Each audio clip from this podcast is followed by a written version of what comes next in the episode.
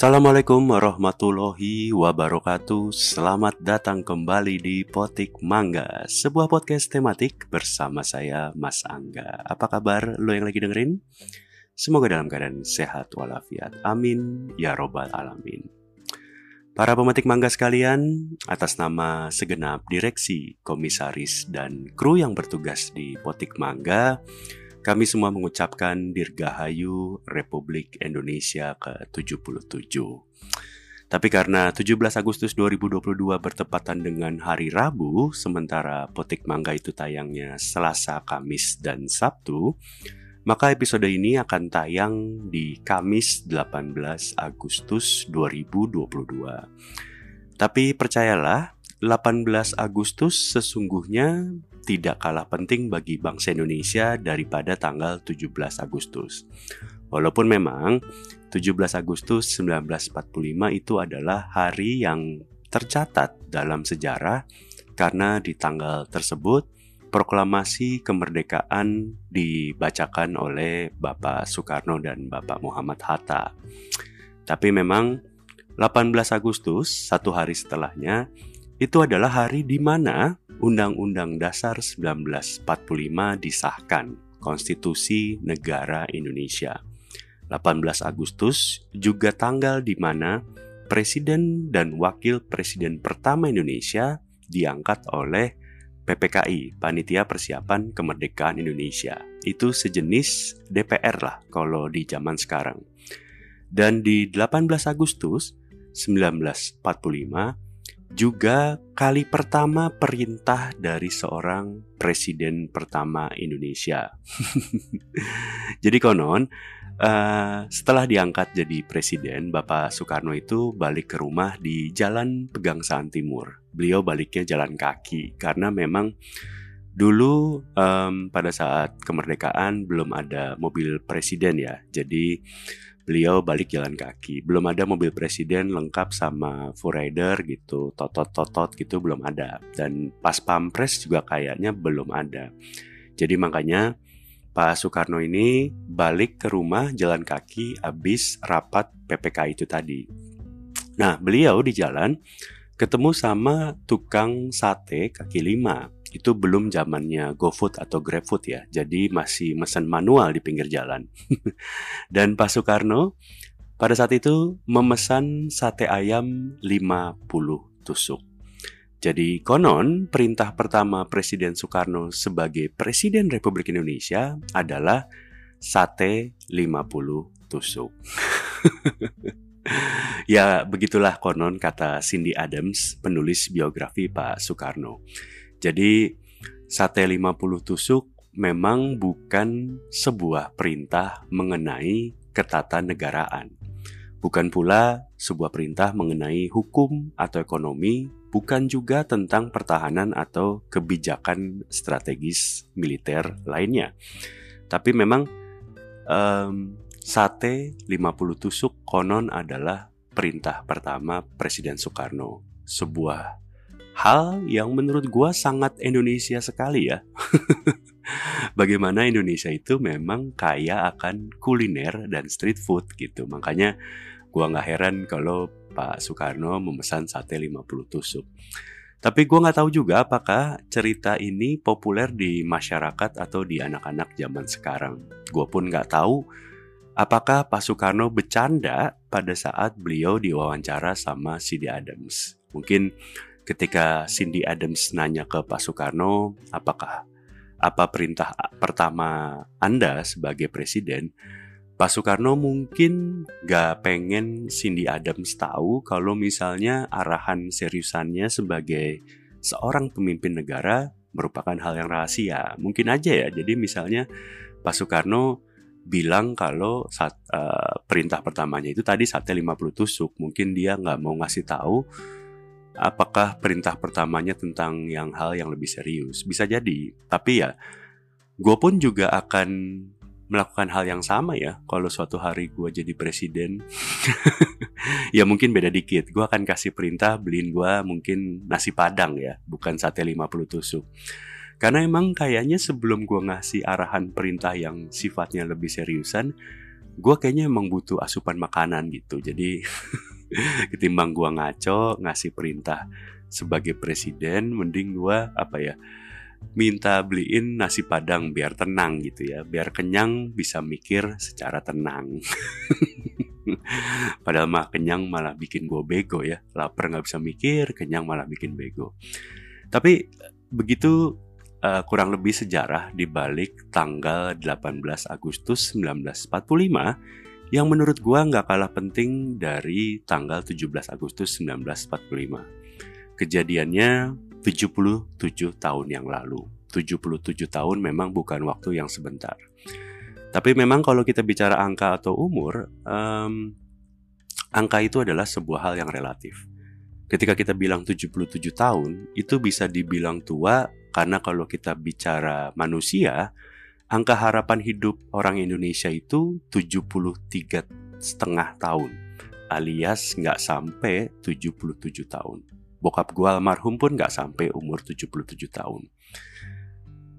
Tapi kalau misalnya kita bandingin dengan negara lain, kayak misalnya Amerika Serikat, pada bulan Juli kemarin, Amerika Serikat sudah merdeka selama 246 tahun, alias 77 tahun tentu belum ada apa-apanya, masih sangat muda.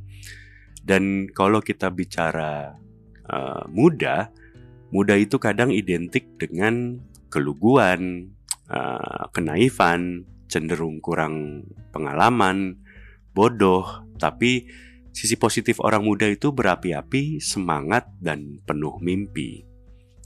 Ketika 77 tahun yang lalu para pemimpin bangsa Indonesia bersatu bersepakat untuk menjadi sebuah negara yang merdeka, tentu mereka semua punya mimpi bagaimana negara Indonesia akan menjadi apa nantinya. Artinya, kalau kita bicara secara kolektif, para pemimpin kita dulu pada saat membuat negara ini tentu sepakat kalau cita-cita negara ini pastinya tertuang dalam konstitusi atau dasar negara.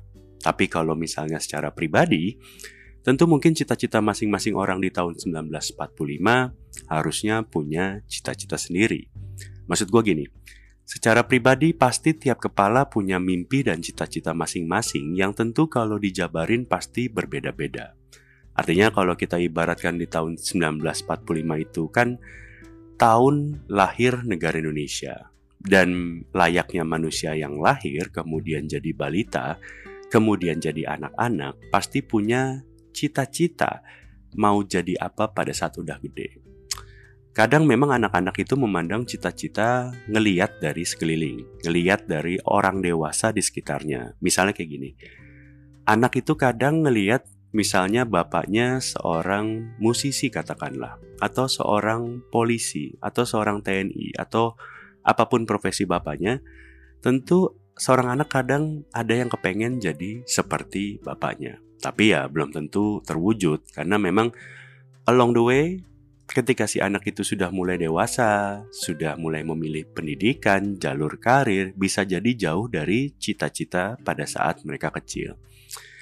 Kayaknya dulu ketika gue kecil teman-teman TK gue yang dulu cita-citanya mau jadi astronot kayaknya belum ada yang beneran jadi astronot ya. Atau mungkin bisa jadi lagi jadi apa ya misi rahasia gitu ya. Kali aja makanya gue nggak tahu gitu. Tapi intinya gini. Um, kalau ditanya mungkin apakah cita-cita para pendiri bangsa ini 77 tahun yang lalu apakah sudah terwujud di hari ini di tahun 2022 Ya, mungkin gue bukan orang yang tepat untuk menjawab pertanyaan barusan ya, jelas sangat tidak tepat. Tapi kalau misalnya pertanyaannya kita ganti, kalau misalnya kita tanya ke orang-orang Indonesia saat ini, apa sih secara umum gitu ya uh, bentuk dari Indonesian Dream gitu misalnya? Karena di Amerika Serikat itu ada sebuah frase American Dream yang kalau secara sotoy definisi American Dream itu menurut gue biasanya dimaknakan sebagai equal opportunity, bahwa setiap orang Amerika bisa jadi apa pun tanpa pandang ras atau latar belakang selama mereka mau bekerja keras untuk mewujudkannya. Tapi kalau di Indonesia, Indonesian Dream itu apa? Gue cukup yakin ketika sekarang, mungkin ya, sekarang di tahun 2022, lu coba tanya ke anak SD atau mungkin ke anak lo yang SD, apa cita-cita mereka? Mungkin dulu pas kita kecil, jawaban yang kita sering dengar profesi-profesi macam dokter, pilot, polisi, TNI, guru. Ya menurut gua sih kayaknya um, profesi-profesi barusan yang gue sebutin kalau ditanyakan ke anak SD di tahun 2022, harusnya jawaban mereka udah tidak seperti itu lagi. Mungkin ya. Sekarang mungkin anak-anak itu menjawab dengan profesi kayak YouTuber, TikToker, selebgram, konten kreator, gamer, atlet e-sport, apa podcaster, jadi Baim Wong, jadi Raffi Ahmad, jadi Deddy Corbuzier. Mungkin jawaban mereka kayak gitu. Tapi ya, menurut gua secara sotoy, orang Indonesia itu orang yang sedikit haus atas pengakuan secara internasional. Menurut gua gini, um, gimana caranya karya atau skill yang dimiliki oleh orang Indonesia bisa diakui secara internasional. Contoh misalnya lu ada di dunia seni kreatif. Itu gimana caranya karya yang lu buat bisa tembus dunia, bisa dinikmatin atau dikaryakan orang-orang di luar sana atau di bidang keprofesian yang lain. Misalnya katakanlah ada keinginan untuk bekerja di luar negeri, bekerja di perusahaan top dunia. Kadang memang buat beberapa orang sukses di Indonesia belum cukup. Walaupun memang kata kunci dari kalimat barusan adalah sukses ya. Bukan di Indonesia doang, tapi memang harus sukses dulu. Jadi pastikan emang lu sukses atau setidaknya punya kemampuan untuk bisa memamerkan karya atau skill lu di luar negeri. Satu hal mengenai sebuah cita-cita, mungkin kita ngerasa ketika ada orang atau anak-anak remaja misalnya ketika ditanya cita-citanya apa dan mereka jawabnya pengen jadi YouTuber, pengen jadi TikToker atau pengen jadi artis misalnya, kita mungkin ketawain di jawaban mereka. Tapi kadang yang bikin terharu berikutnya adalah kenapa mereka menjawab pengen jadi YouTuber dan sebagainya sebagainya itu tadi. Itu simply karena mereka mau punya banyak duit, mau bikin bahagia orang tua mereka.